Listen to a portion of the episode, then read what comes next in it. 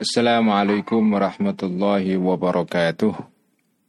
بسم الله الرحمن الرحيم. الحمد لله رب العالمين والصلاة والسلام على أشرف الأنبياء والمرسلين سيدنا وحبيبنا ومولانا وقرة أعيننا محمد وعلى آله وأصحابه ومن تبعهم بإحسان إلى يوم الدين. رب اشرح لي صدري ويسر لي أمري واحلل عقدة من لساني يفقه قولي. زدنا علما ورزقنا فهما آمين يا رب العالمين أما بعد Teman-teman, mari meneruskan ngaji kitab Al-Iqtisad ila ruhi nabiyina wa syafina Muhammadin sallallahu alaihi wasallam ila rawakil anbiya wal mursalin ila rawakil ali wal ashabi ajma'in وإلى أرواح الأولياء والشهداء والصالحين والأئمة المجتهدين والمؤلفين والمسلفين خصوصا روح سلطان الأولياء الشيخ عبد القادر الجيلاني والإمام الجنيد البغدادي وحجة الإسلام أبي حامد الغزالي والشيخ الأكبر الدين ابن عربي والإمام أبي الحسن الشاذلي وإلى أرواح أولياء الله تعالى في أرض نسندرة خصوصا أرواح ولسانه وروح ولي الله جدنا بأحمد متمكن قدس الله أسرارهم ونور ضريحهم وعدم بركاتهم ونفعنا بعلومهم وأمدنا بمددهم إلى أرواح علمائنا مؤسس جمعية نهضة العلماء والجمعيات الإسلامية الأخرى خصوصا روح حضرة الشيخ هاشم عشاري كي خلل بنقلن كي واحد قصدور كي وعبد الله كي بشير سنسوري كي أحمد Asa asem arifin ki masum ki li masum ki. بشری مصطفی کې عبدالله السلام کې سال محفوظ فقر الله ذنوبهم وستر عيوبهم يعلى درجاتهم ونفعنا بعلومهم وإلى أرواح آبائنا وأمهاتنا وأجدادنا وجدادنا ومشايخنا مشايخ مشايخنا خصوصا روح أبيك عبد الله رفاعي وروح أمي يا سلامة وروح أمي يا فاطمة غفر الله ذنوبهم وستر عيوبهم ويعلى درجاتهم شيء لله لهم الفاتحة أعوذ بالله من الشيطان الرجيم. بسم الله الرحمن الرحيم. الحمد لله رب العالمين. الرحمن الرحيم. مالك يوم الدين. إياك نعبد وإياك نستعين. اهدنا الصراط المستقيم. صراط الذين أنعمت عليهم غير المغضوب عليهم ولا الضالين. آمين.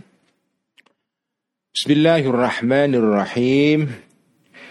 قال المؤلف رحمه الله تعالى ونفعنا به وبعلمه في الدارين amin rabbi yassir wa a'in kita masih di dalam pembahasan mengenai mustahilnya ya Allah itu berada di suatu arah Allah itu tidak di dalam arah Allah itu uh, tidak berada di sebuah tempat ya sehingga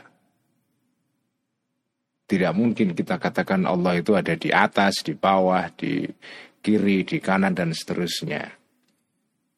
Nah, dalilnya sebagian sudah kita baca kemarin ya. Salah satu inti dalilnya adalah bahwa kenapa Allah itu tidak mungkin berada di sebuah arah karena Allah itu tidak berupa jauhar dan arot ya. Tidak berupa sesuatu yang ada wujud fisiknya ya. Sesuatu itu berada di sebuah tempat karena dia berupa barang. Barang itu namanya jauhar. Sesuatu yang ada barangnya. Ya. karena barang itu benda itu pasti meruang. Istilah yang dipakai adalah mutahayiz ya sesuatu yang berada di dalam hayis, dalam tempat ya. Nah, setiap tempat itu pasti ada arahnya. Ya, jadi tempat pada dirinya sendiri itu tidak punya arah, tetapi tempat ketika berkorelasi dengan tempat yang lain dia itu itu mempunyai arah ya. Jadi kemarin dikatakan bahwa arah itu itu uh, sesuatu yang bersifat relasional. Ya, tempat itu relasional. Jadi kenapa sesuatu itu disebut misalnya misalnya sesuatu disebut apa? Uh, rumah seseorang rumah Hasan misalnya itu di selatan ya. disebut di selatan itu karena dia berada di selatannya sesuatu ya kan jadi setiap arah itu pasti bersifat relasional terkait dengan tempat yang lain jadi kenapa disebut di selatan di utara di timur itu karena dia berada di timurnya sesuatu tidak mungkin di timur itu di timur begitu saja mutlak itu tidak mungkin, nggak mungkin. Sesuatu disebut di atas itu kan tidak mungkin di atas mutlak. Di atas itu karena dia berada di atasnya sesuatu, ya. di atas kita. Ya. Tetapi bagi sesuatu, bagi orang lain yang ada di atas barangnya itu, sesuatu itu tidak di atas tapi di bawah. Jadi kalau sampean tinggal di apartemen, Ya. Kalau jenengan uh, berada di level atau di lantai kelima, ya.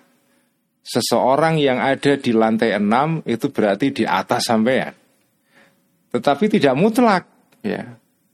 Karena bagi orang yang ada di lantai tujuh, orang yang ada di lantai enam itu berarti ada di bawahnya.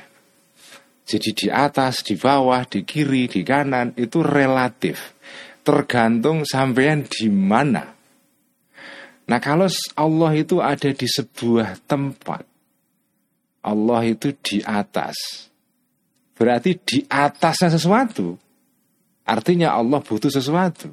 Sementara Allah tidak butuh apa-apa. Innallaha ghaniyun 'anil alamin. Allah itu tidak butuh kepada kepada siapa pun dari makhluknya. Kalau kita katakan Allah itu di sebuah tempat, dia punya tempat ya, maka Allah tergantung kepada sesuatu yang lain karena arah ya itu pasti bersifat relasional.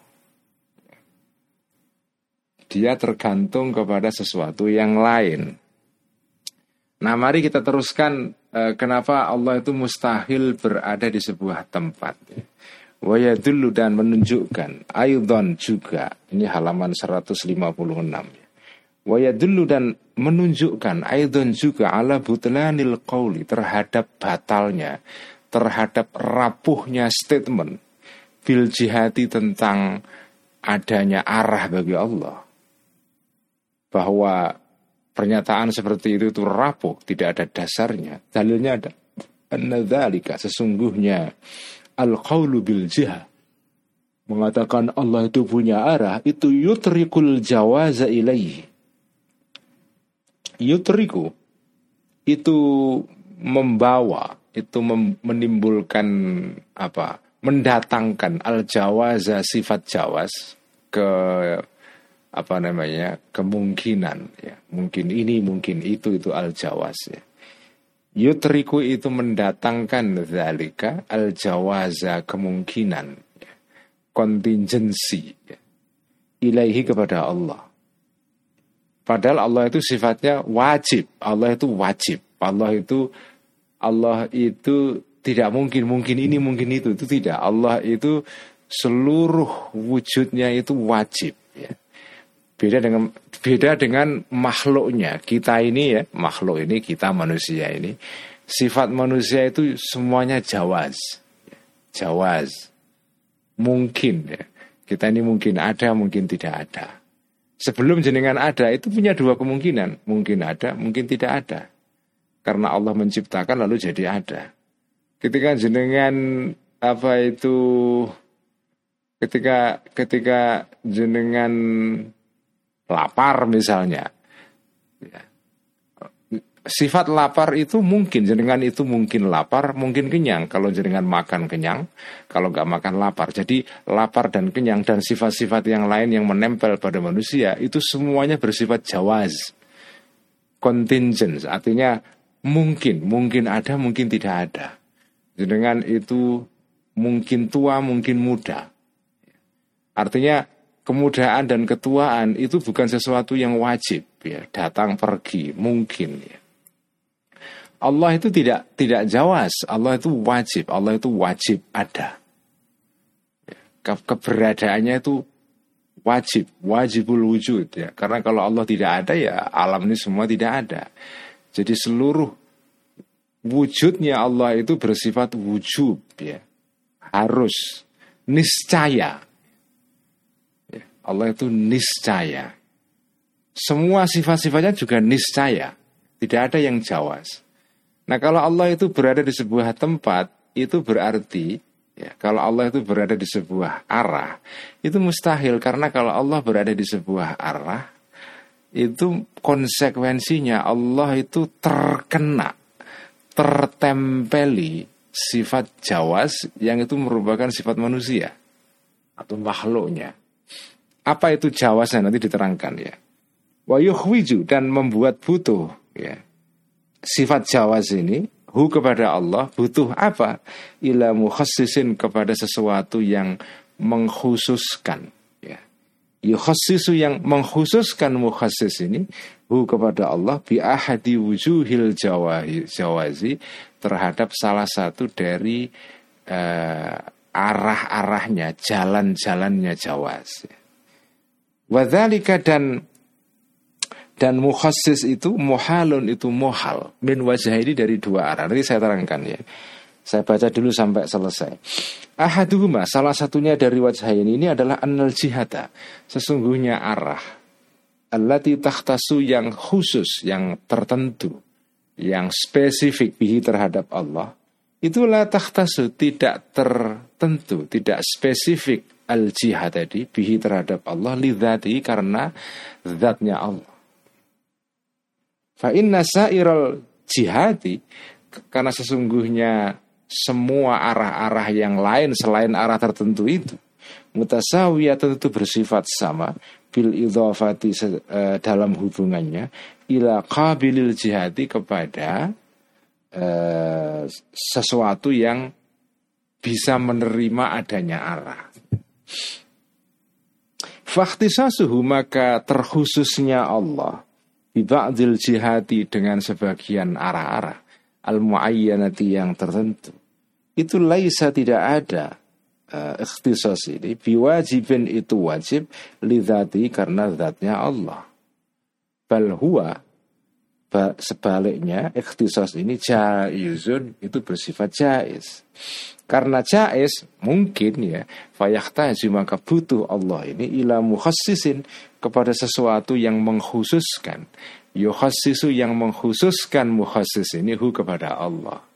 Allah butuh sesuatu yang lain. Wa yakunu dan ada al-ikhtisasu sifat uh, tertentu atau spesifik kepada sebuah tempat tertentu ini fi di dalam Allah itu maknan berupa pengertian berupa aspek ya. Zaidan yang lebih ya ala zati terhadap zatnya Allah. Wama tatarraqa wama dan segala hal tatarraqa yang datang uh, al jawazu sifat jawaz kemungkinan ilahi kepada ma istahala itu mustahil kidamuhu abadinya atau kidamnya barang tadi itu. Balil qida qadimu sebaliknya uh, Allah yang atau sesuatu yang bersifat qadim itu atau istilah qadim itu ibaratun itu ungkapan anma dari sesuatu huwa yang ma ini adalah wajibul wujudi wajib wujudnya menjami il jihadi dari segala aspek atau arah mana pun ya apa maknanya ini Mari pelan-pelan kita pahami satu paragraf yang sedikit agak rumit ini ya. sedikit agak rumit ya. Ya kadang-kadang kita perlu mendengarkan pengajian yang agak rumit ya. Umumnya pengajian kan yang kita sukai itu yang enteng-enteng saja ya. Ya sekali-kali ngaji atau mendengarkan keterangan yang agak rumit supaya pikiran kita tertantang gitu ya. Karena kalau kita mendengarkan sesuatu yang enteng terus ya, itu pikiran kita tidak tertantang itu ya. Ya sekali-kali kita mendengarkan keterangan yang agak rumit supaya supaya terlatih untuk uh, untuk menghadapi tantangan sesuatu pikiran yang yang di atas yang rata-rata ya.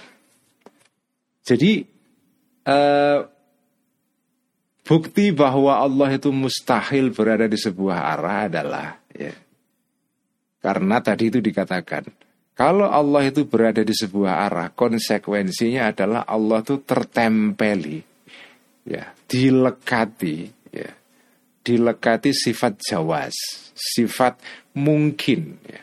Mungkin itu artinya apa ya? Uh, tidak niscaya, ya. kebalikan dari niscaya. Nah, itu itu mustahil karena Allah itu Allah itu sendiri sifat pokoknya adalah wajib. Niscaya ya.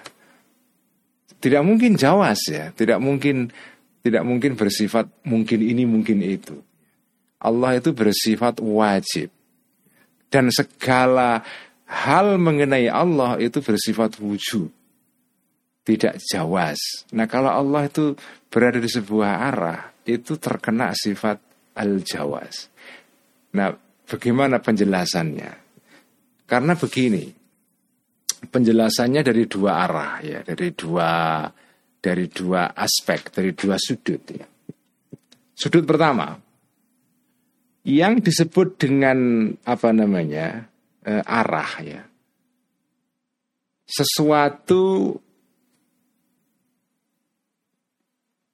kita sekarang berbicara mengenai sesuatu yang selain Allah dulu. Misalnya ballpoint ini ya.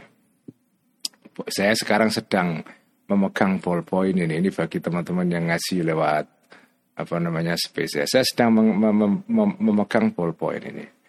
Ballpoint ini ini namanya jauhar ya, sesuatu yang berupa benda. Setiap jauhar itu pasti berada di sebuah arah. Ya, tidak mungkin sesuatu yang ada di dunia ini tidak ada arahnya. Arahnya itu kalau nggak di atas ya di bawah, kiri, kanan, depan, belakang. Tergantung lokasinya di mana. Nah karena saya, karena ballpoint ini saya pegang ada di depan saya, saya menyebutnya ballpoint ini berada di depan saya. Oke? Okay? Nah fakta bahwa ballpoint ini ada di depan saya itu bersifat niscaya atau tidak? Apakah berada di depan saya itu wajib bagi ballpoint ini. Artinya dia tidak mungkin di, di tempat lain. Tidak kan? Karena ballpoint ini bisa di depan saya, bisa di belakang saya, bisa di atas saya, bisa di bawah saya, bisa di kiri saya, bisa di kanan saya. Arah bagi sebuah sesuatu bagi sebuah barang, arah bagi sebuah tem, benda itu sifatnya jawas. Sifatnya jawas. Ya.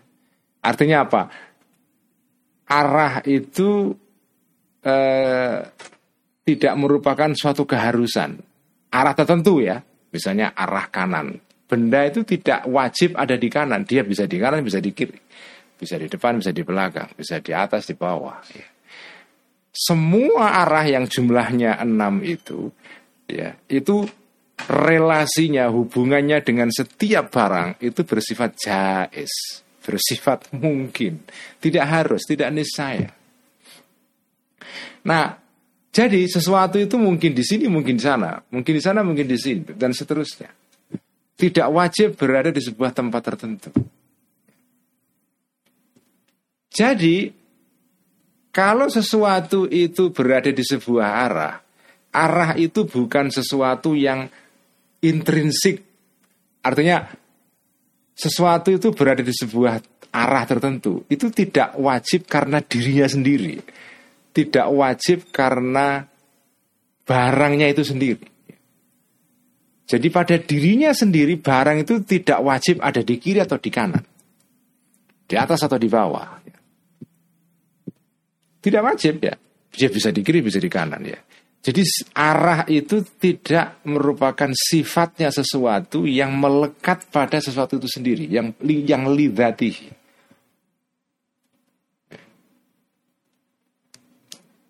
Tidak melekat itu. Arah itu bersifat uh, jais, bersifat boleh, boleh ini, boleh itu, boleh di kanan, boleh di kiri. Karena dia bersifat jais, maka ketika sebuah barang itu ada di sebuah tempat A atau B atau C atau D dan, dan seterusnya, maka barang itu membutuhkan sesuatu yang lain yang membuat dia berada di tempat itu. Namanya muhossis ya. Karena hubungan sebuah barang dengan arah yang jumlahnya enam tadi itu atas bawah kiri kanan depan belakang. Ya, arah itu semua yang jumlahnya enam itu, itu hubungannya terhadap sesuatu barang itu bersifat eh, jais mungkin dan kedudukannya sama. Jadi sesuatu itu mungkin di kanan, mungkin di kiri itu kemungkinannya sama secara persentase mungkin di, di kiri, mungkin di atas, mungkin di bawah itu juga sama. Tidak ada sesuatu yang tidak ada sesuatu itu yang 90% harus di atas, 10% di bawah. Itu itu tidak ada. Pada dirinya sendiri sesuatu itu bisa di kanan, bisa di kiri itu kemungkinannya sama. Begitu juga sesuatu itu mungkin di atas di bawah, itu sama kemungkinannya.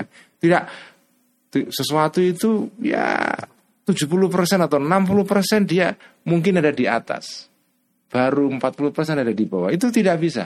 Pada dirinya sendiri sesuatu itu berada di sebuah arah tertentu, itu sifatnya mungkin dan kemungkin persentase kemungkinannya itu semua sama. Mutasawiyatun. Karena sama, maka ketika sesuatu itu berada di sebuah arah tertentu, A misalnya, dia membutuhkan sesuatu yang lain yang meletakkan dia di arah itu. Itu namanya muhassis ya. Nah kalau Allah itu berada di sebuah arah, Allah butuh Allah yang lain yang meletakkan Allah ini di arah itu. Ya kalau Allah butuh Allah yang lain namanya bukan Allah, namanya bukan Tuhan itu. Karena dia butuh. Karena butuh muhassis. Ya. Butuh muhassis. Karena itu Allah tidak mungkin berada di sebuah arah. Itu makna dari paragraf ini. Baik, kita teruskan ya. Paham tidak paham ya insya Allah paham lah walaupun dikit-dikit samar-samar ya. Insya Allah paham lah. Fa'ingkila, maka jika dikatakan sebagai semacam pertanyaan sangkalan ini. Ikhtassa bi jihati fauqin di annaha asyraful jihati. Anda, wahai Al-Ghazali, mengatakan Allah tidak mungkin di sebuah arah. Tetapi ikhtassa, spesifik, tertentu ya terkhususkan Allah bijihati faukin pada arah atas. Allah dikatakan di atas. Nah kok tahu lah buktinya itu kalau orang berdoa kenapa mendongak ke atas. Itu kan artinya Allah di atas. Lianah karena jihatu faukin arah atas itu asyraful jihati itu semulia-mulianya arah-arah itu. Semua arah itu yang paling mulia adalah arah atas. Karena karena itu Allah ada di atas.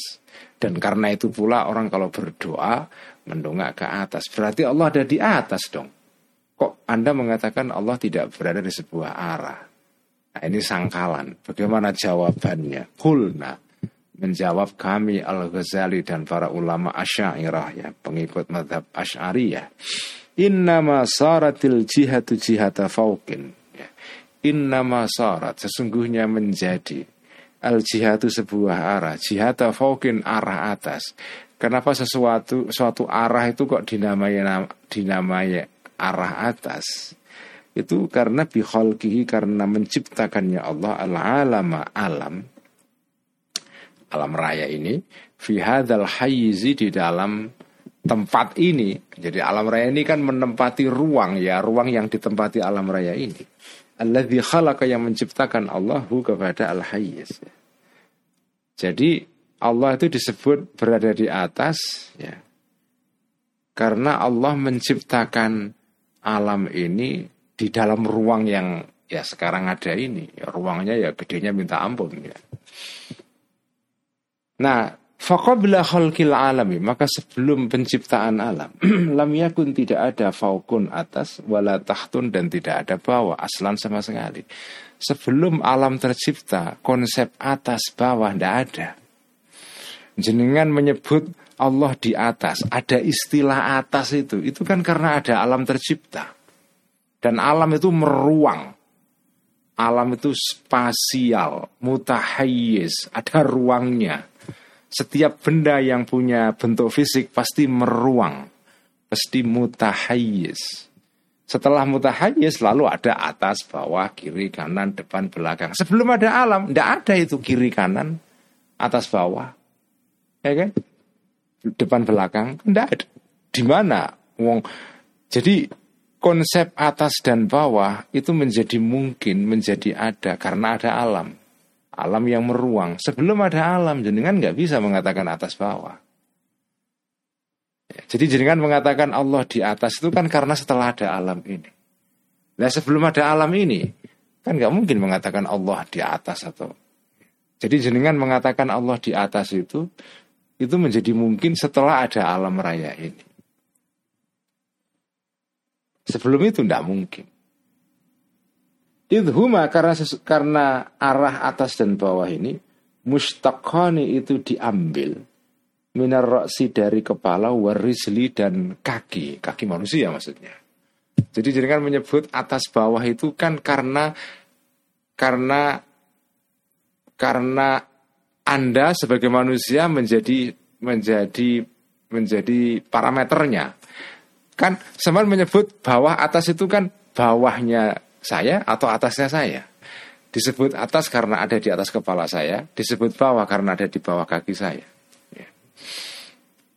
Sekali lagi ya, konsep arah ini ini asik ya, menarik menurut saya sih ya. Mungkin kita nggak pernah memikirkan ini ketika belum baca kitab Al-Iqtisad ini. Jadi konsep arah itu kembali kepada keterangan saya sebelum mulai membaca kitab ini tadi. Konsep arah itu sekali lagi diingat-ingat ya. Arah itu disebut arah karena bersifat relasional. Berhubungan dengan sesuatu yang lain.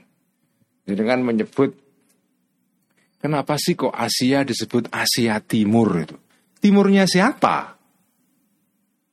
Kenapa Amerika disebut Amerika Selatan? Selatannya siapa? Kenapa kok Indonesia disebut berada di Asia Tenggara? Tenggaranya siapa? Kalau sesu kalau sesuatu itu pada dirinya sendiri tidak berkorelasi dengan sesuatu yang lain, kita nggak bisa menyebut arahnya di mana. Indonesia itu arahnya di mana? Ya tergantung. Tapi kenapa kok disebut sebagai Indonesia itu di Asia Tenggara ya. Ini kan bagian dari warisan kolonial saja. Disebut Asia Tenggara karena ada di tenggaranya negara-negara Barat yang menjajah Indonesia dulu. Ya, disebut Asia Timur karena di sebelah timurnya negara Barat. Tapi kalau Jepang itu kan Asia Timur. Timurnya siapa? Timurnya negara Barat. Tapi kalau Jepang dilihat dari arah apa itu eh, Alaska misalnya atau dari Amerika ya tidak di timur ada di barat itu ya.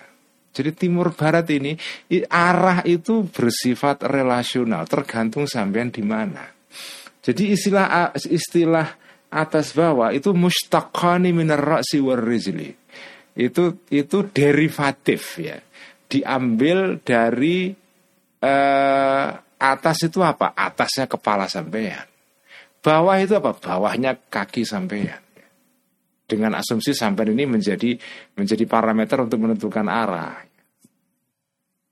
Jadi bawah atas itu mustaq, ya, derivatif ya.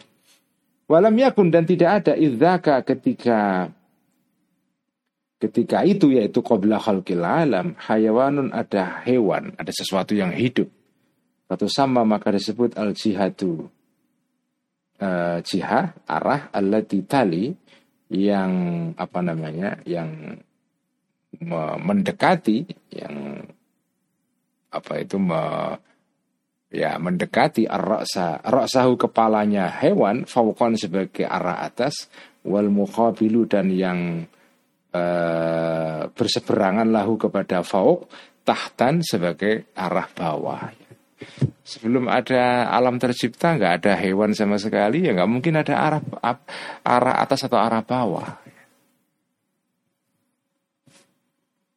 Jadi jadi ketika Anda mengatakan Allah di atas ya. Ya atas bawah itu kan setelah ada alam. Sebelum ada alam kan nggak ada atas bawah gitu. Arah itu tidak ada itu. Artinya apa? Arah itu tidak mungkin bagi Allah. Ya.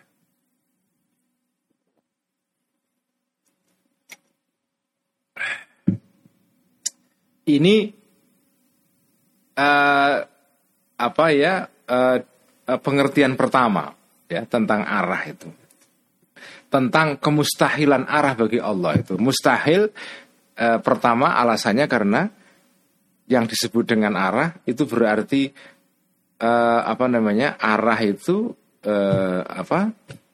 Sesuatu itu berada di sebuah arah itu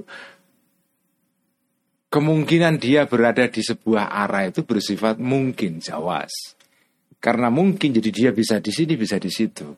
Ketika dia berada di sebuah arah tertentu itu dia membutuhkan agen atau faktor lain yang menempatkan dia ada di arah itu.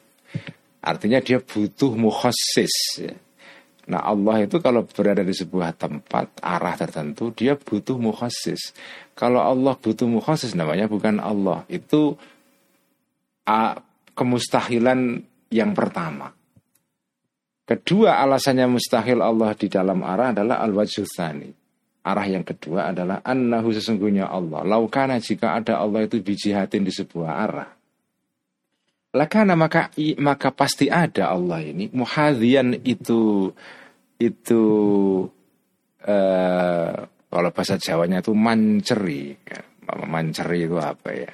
Lurus ya atau apa namanya searah.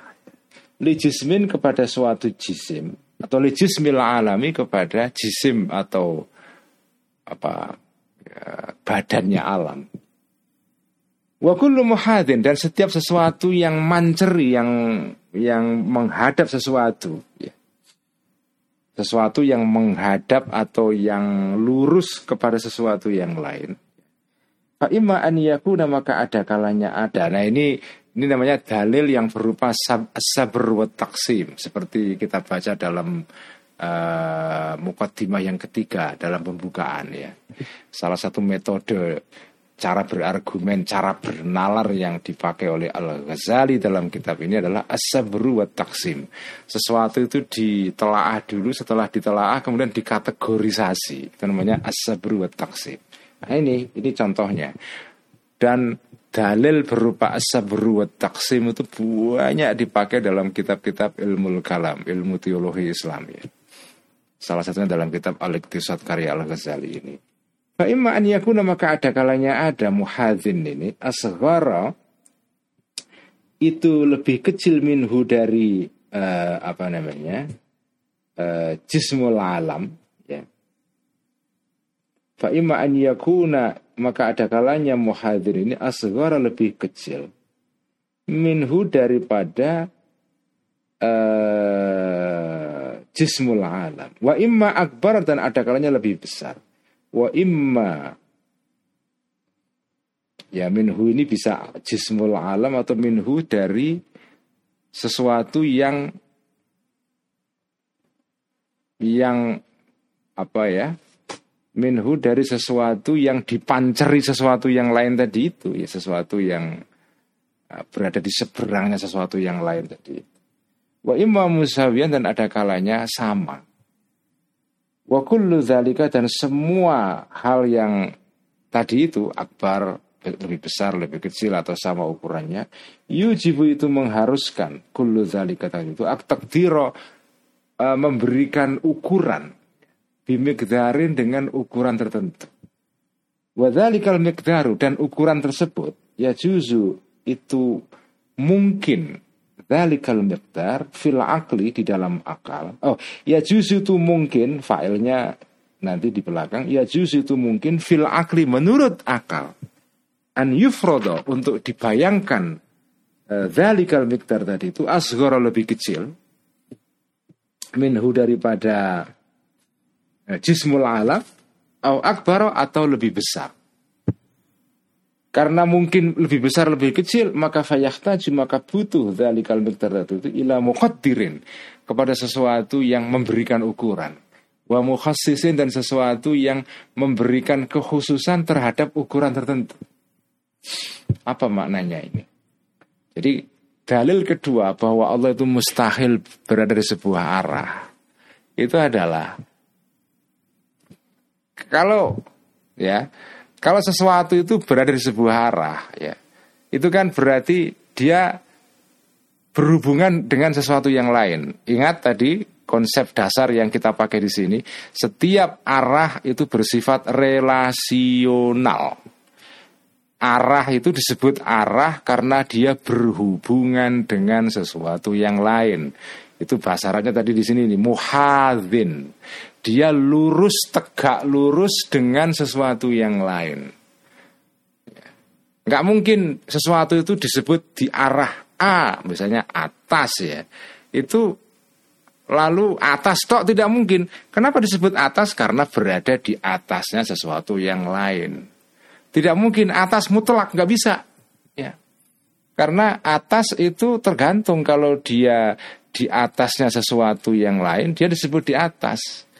Kalau dia dia di apa ya uh, dilihat dari sudut sesuatu yang ada di atasnya dia di bawah ya tadi itu Jenengan menyebut misalnya sesuatu di, bagi seseorang yang tinggal di lantai lima, ya, maka sesuatu yang ada di lantai enam itu disebut di atasnya dia.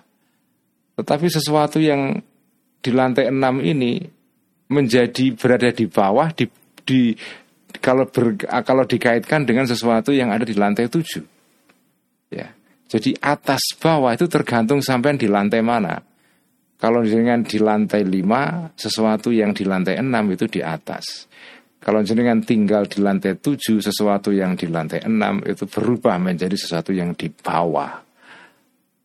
Jadi arah itu bersifat relasional. Ya. Nah, karena relasional, relasional dalam bahasa Arab yang dipakai dalam kitab apa namanya uh, Alektisat ini itu muhadzin manceri ya.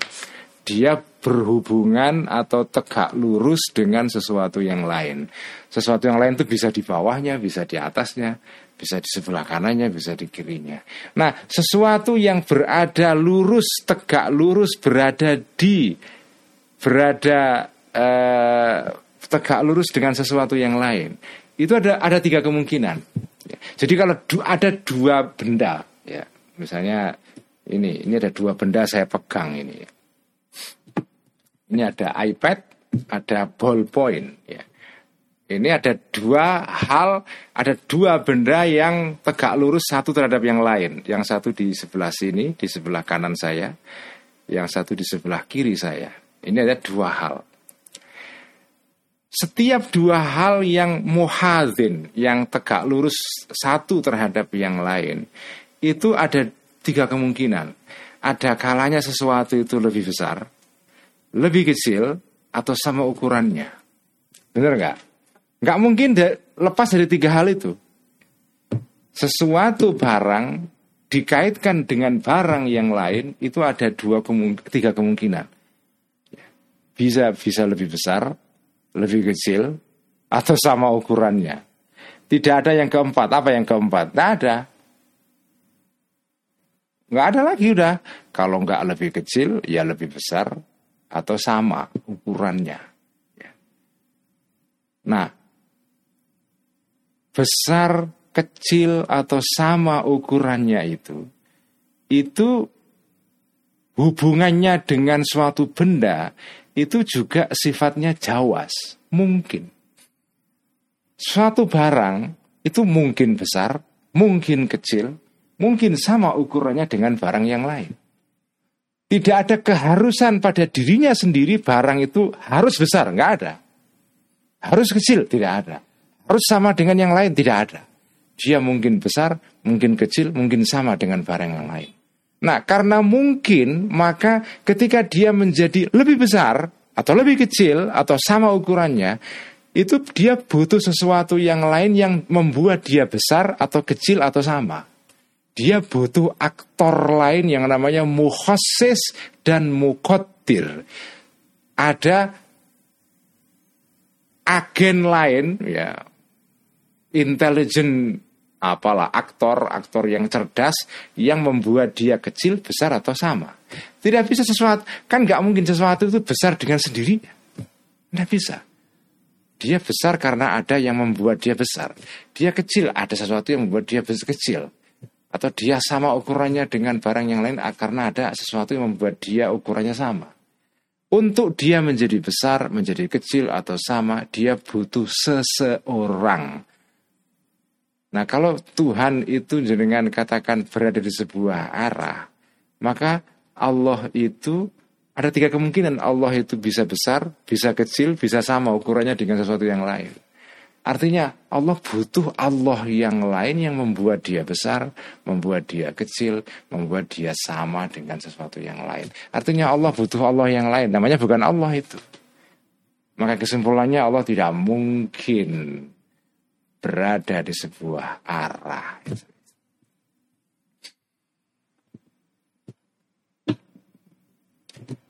Wah ini sudah lumayan dapat banyak keterangan kita mengenai konsep arah ya. ini uh, apa namanya kita belajar seperti ini ini sekaligus belajar tentang konsep-konsep fisika seperti yang dikenal pada era Al-Ghazali ya. Ini sebenarnya kan fisika. Fisika itu artinya sesuatu yang terkait dengan alam fisik ini loh ya. Eh, konsep tentang arah tadi itu. Itu kan fisika ini namanya fisika tradisional ya ini. Uh, ya sebagian dari fisika tradisional itu masih relevan dengan fisika modern ya. Ya. Tapi tidak semuanya ya. Ada banyak hal dalam fisika tradisional yang sudah nggak relevan sekarang. Tapi beberapa masih bisa dipakai ya. Jadi melalui pelajaran tauhid atau akidah ini eh, ini ada serendipity ya. Ada apa serendipity itu? Uh, serendipity itu apa Mas Fili? Uh, apa ya? Ya apa serendipity itu uh, keuntungan tambahan ya ada keuntungan tambahan. Kita ngaji akidah tapi ada serendipity, ada hal lain yang kita peroleh. Ya. Kayak orang gali emas tapi dapat mineral yang lain, namanya serendipity. Ya.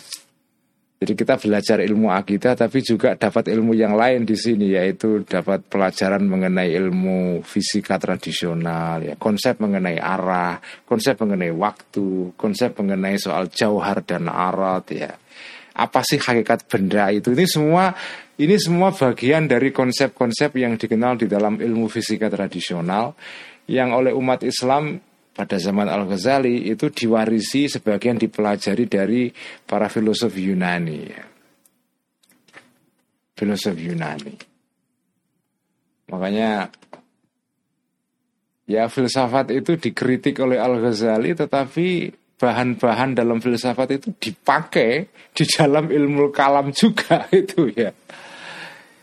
Makanya makanya apa namanya nggak bisa uh, lepas dari filsafat itu nggak bisa karena kalau kita belajar ilmu akidah seperti dirumuskan oleh para ulama tradisional Islam seperti Al-Ghazali ini di dalamnya kita jumpai banyak bahan-bahan yang berasal dari filsafat sebetulnya. Salah satunya ini konsep jauhar, konsep arot, konsep arah itu ya.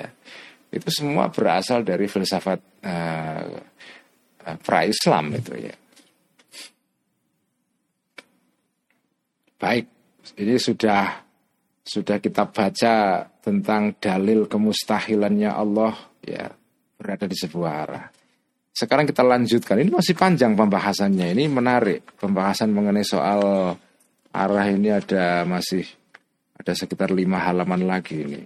Masih lama ini. Fa'ingkila, maka jika dikatakan sebagai uh, semacam apa sangkalan ya, atau apa ya kritik ya. Baik. Jadi ini susunan atau bentuk uh, bentuk susunan pembahasan dalam akidah Islam dalam ilmu kalam itu susunannya itu kayak percakapan itu ya. Jadi seorang ulama menjelaskan sesuatu ya begini begini begini begini begini terus dia membayangkan ada orang yang menyangkal bagaimana kalau seandainya ada yang mengatakan begini oh jawabnya begini bagaimana kalau ada yang mengatakan begitu oh jawabannya begini jadi jadi ini ini namanya diskursus ya diskursusnya ada ada percakapan ya ada TikTok ya ini bukan TikTok apa aplikasi itu bukan. Ini TikTok dalam pengertian ada tik ada tok. Ada yang mengatakan A lalu dijawab B. Lalu dijawab A, B, A, B. A gitu. TikTok, TikTok, TikTok, TikTok. Menarik ya. Ada percakapan di sini. Ada ada ada dua pihak yang saling omong-omong, ya, bercakap-cakap dengan argumentasi. Paingkila, maka jika dikatakan sebagai semacam sangkalan. Laukana, jika ada al-ikhtisasu, keterkhususan, bil jihati terhadap arah tertentu, itu yujibu mengharuskan ikhtisas ini at-takdira mempunyai ukuran seperti diterangkan dalam bagian kedua tadi itu. Lakana maka ada al arodu arot ya, arot itu sifat artinya. Mukaddaron itu berarti ada ukurannya. Nah, sangkalan ini ini nggak bisa dipahami kalau ya kalau jenengan tidak mengenal konsep sebelumnya yang nggak dikatakan di sini. Apa konsep sebelumnya? Yang disebut dengan ukuran, ukuran itu kan besar, kecil, uh, apa namanya, lonjong, persegi, uh, bundar, seterusnya itu kan namanya kan itu kan ukuran itu kan bentuk bentuk bentuk geometri ya ukuran-ukuran. Yang disebut ukuran ukuran itu itu ukuran bagi jauhar atau bagi arot misalnya misalnya ini ada kertas ini yang saya pegang bentuknya persegi. Bentuk persegi itu bentuknya kertas atau bentuk bagi sifatnya kertas. Atau misalnya saya sebut uh, ini ballpoint ini. Ballpoint ini kalau dibanding dengan iPad ini, ini lebih kecil. Sifat lebih kecil itu itu sifatnya ballpoint atau ballpoint ini kan punya sifatnya warnanya itu warna ungu itu. Warnanya ungu sifatnya dia halus ya, tidak kasar misalnya. Sifat kecil itu itu sifatnya benda atau sifatnya warna ungu misalnya. Sifat kecil itu atau besar itu kan sifatnya benda, artinya sifatnya arot. Bukan sifatnya sifat. Ah, pusing kan kan? Jadi sifat kecil atau besar ya itu adalah sifat yang menjadi sifatnya sebuah benda yaitu jauhar. Bukan sifat yang mensifati sifatnya benda. Sifatnya benda itu kan misalnya ya ada berupa warna, ada berupa bentuk, ada berupa bau ya. Misalnya misalnya mangga ya. Mangga itu ada yang kecil, ada besar Nah sifat besar dan kecil itu sifatnya mangga atau sifatnya sifatnya mangga. Sifatnya mangga misalnya baunya wangi. Sifat kecil itu kan tidak mungkin melekat pada apa namanya baunya mangga. Kecil dan besar itu kan sifatnya mangganya itu sendiri, barangnya itu sendiri. Artinya apa? Takdir, ukuran itu adalah sesuatu yang mengenai jauhar, bukan arot. Nah, kemudian timbul pertanyaan ini. Kalau sesuatu itu berada di sebuah arah itu mengharuskan sesuatu itu punya ukuran seperti dikatakan dalam uh, keterangan sebelumnya tadi itu. Ya setiap sesuatu yang berada di sebuah arah berarti dia punya ukuran besar kecil kalau gitu arot kan berarti punya ukuran juga karena arot itu juga berada di sebuah arah ya kan Kalau jauhar itu arahnya di atas, arotnya berarti mengikut di atas. Artinya arot juga punya takdir, punya ukuran. Nah, padahal arot itu kan nggak punya ukuran. Yang punya ukuran kan jauharnya. Berarti kalau gitu arot itu punya takdir, punya ukuran itu. Nggak masuk akal itu, nggak kontradiksi itu. Ah, jawabannya kulna mengatakan aku al arad yang disebut dengan arat, laisa tidak ada arat itu fi jihatin di sebuah arat binafsi karena dirinya arat. Bal bitafaiyatil jauhari karena sebaliknya karena kepengikutannya kepada jauhar, kepada barang. Jadi misalnya ballpoint ini warnanya ungu. Ya, karena ballpoint ini itu ada di depan saya, maka warna ungu ini juga yang melekat pada ballpoint ini otomatis juga ada di depan saya. Tapi warna ungu itu tidak berada di sebuah tempat karena dirinya sendiri. Dia berada di sebuah tempat karena mengikut kepada benda yang dia melekat di situ. Ya kan? Tapi warna ungu itu sendiri tidak tidak ada di sebuah tempat kalau nggak ada jauharnya. Sampai bisa membayangkan warna ungu atau hitam atau putih itu melayang-layang di udara gitu kayak kapas gitu. Tidak mungkin kan.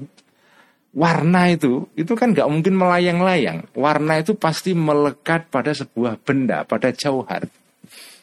Kalau jauharnya itu ada di atas, ya otomatis dia di atas. Tapi warna itu sendiri itu tidak berada di atas pada dirinya sendiri. Dia berada di atas karena ikut kepada jauhar yang ada di atas. Tapi dia tidak bisa independen. Tidak ada warna independen itu. Warna itu yang melekat pada sebuah barang. Gak ada warna gentayangan di langit kayak mendung gitu, gak ada itu. Gak mungkin. Ya. Sifat itu yang melekat pada sebuah benda itu tidak mungkin lepas dari benda itu sifat besar atau kecil itu mungkin nggak lepas dari benda terus sifat besar dan kecil itu terus melayang-layang di udara kan tidak ada itu ya. Tidak ada. Jadi, jadi kesimpulannya arot ya, yang melekat pada sebuah jauhar itu berada di sebuah arah tertentu karena dia mengikut kepada jauharnya. Kalau arotnya sendiri tidak pada sebuah arah karena itu dia tidak disebut punya ukuran. Yang punya ukuran ya jauharnya.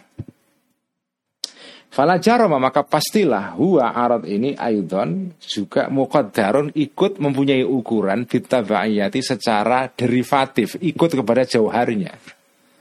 Fa inna karena sesungguhnya kita na'lamu mengetahui kita, maksudnya kita ini manusia yang punya akal ini.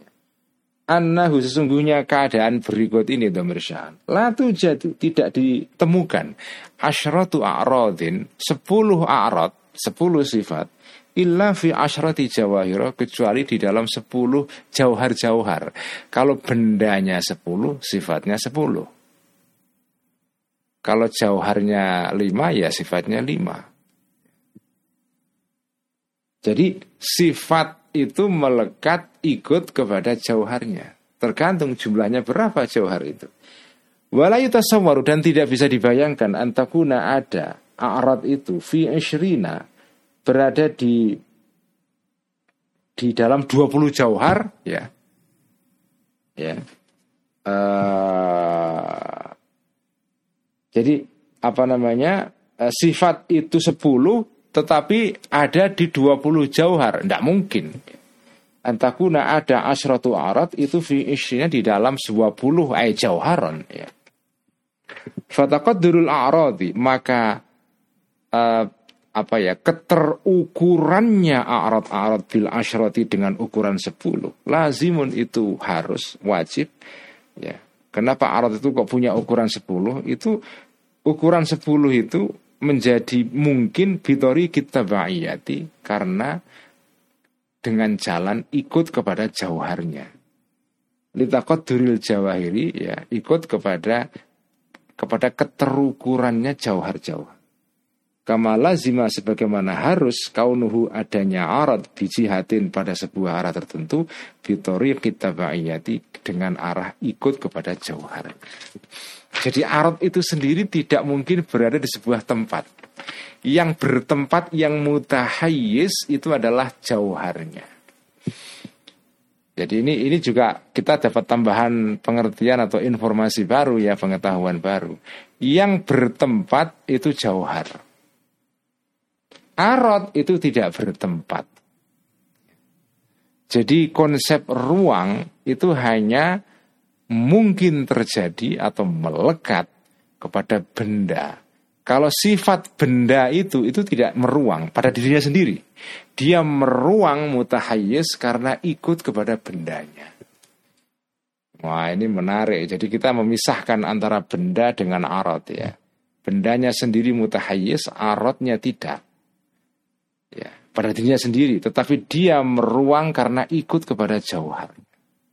Jadi misalnya Misalnya ballpoint ini ya, ini ballpoint ini kecil dibandingkan dengan ballpoint yang lebih besar ya. Makanya kecil dan besar itu juga relatif ya. Kecil kecil itu kecil itu dibandingkan dengan apa? Makanya dia harus muhadzin, dia harus lurus tegak lurus kepada barang lain yang menjadi bandingannya. Jadi besar kecil itu juga relasional. Tidak ada sesuatu itu kecil pada dirinya sendiri tidak ada, ya kan? besar pada dirinya sendiri juga nggak ada. Besar terhadap apa? Karena dia disebut besar terhadap sesuatu yang lebih kecil. Kalau terhadap sesuatu yang lebih besar lagi, dia menjadi kecil, ya, tidak lagi besar lagi, ya. Ini menarik sekali ya. Jadi kelas satu aliyah itu tinggi atau rendah? Ya dibanding kelas tiga sanawi, ya dia lebih tinggi. Tapi dibanding dengan kelas dua aliyah, ya dia lebih rendah. Kelas 1 SMP itu lebih tinggi atau lebih rendah? Tergantung. Dia lebih tinggi dari kelas 6 SD tapi lebih rendah daripada kelas 3 SMP. Nah, jadi tinggi rendah itu ya relasional. Ya, relasional itu. Nah, yang rendah, yang tinggi, kecil, besar itu adalah bendanya sendiri. Bukan sifat benda itu sifat benda itu menjadi ikut rendah atau tinggi itu mengikut kepada bendanya sendiri. Tapi pada dirinya sendiri sebuah sifat itu tidak bisa mempunyai tempat. Karena tidak karena dia tidak mempunyai tempat maka dia juga tidak punya ukuran. Tidak punya takodur atau takdir itu ya. Wah cukup sekian ya malam ini supaya nggak tambah ngeluh dan pusing ya. Kita teruskan minggu depan. Pokoknya ngaji Al-Iqtisad itu setiap hari sen malam Senin dan malam uh, ini malam apa ya Mas Fili? Ya malam. Malam Rabu ya. Selasa ya malam Selasa dengan malam Rabu ya. Ngaji ihya malam Jumat ya jadi ngaji Al-Iqtisad setiap malam Selasa, malam Rabu, jam 8 semua sama ya jam 8. Ngaji ihya jam 8 setiap malam Jumat. Seminggu kita ngaji tiga kali. Mari kita tutup dengan bacaan salawat di bilqulub. Allahumma salli على سيدنا محمد طب القلوب ودوائها وعافية الأبدان وشفائها ونور الأبصار وضيائها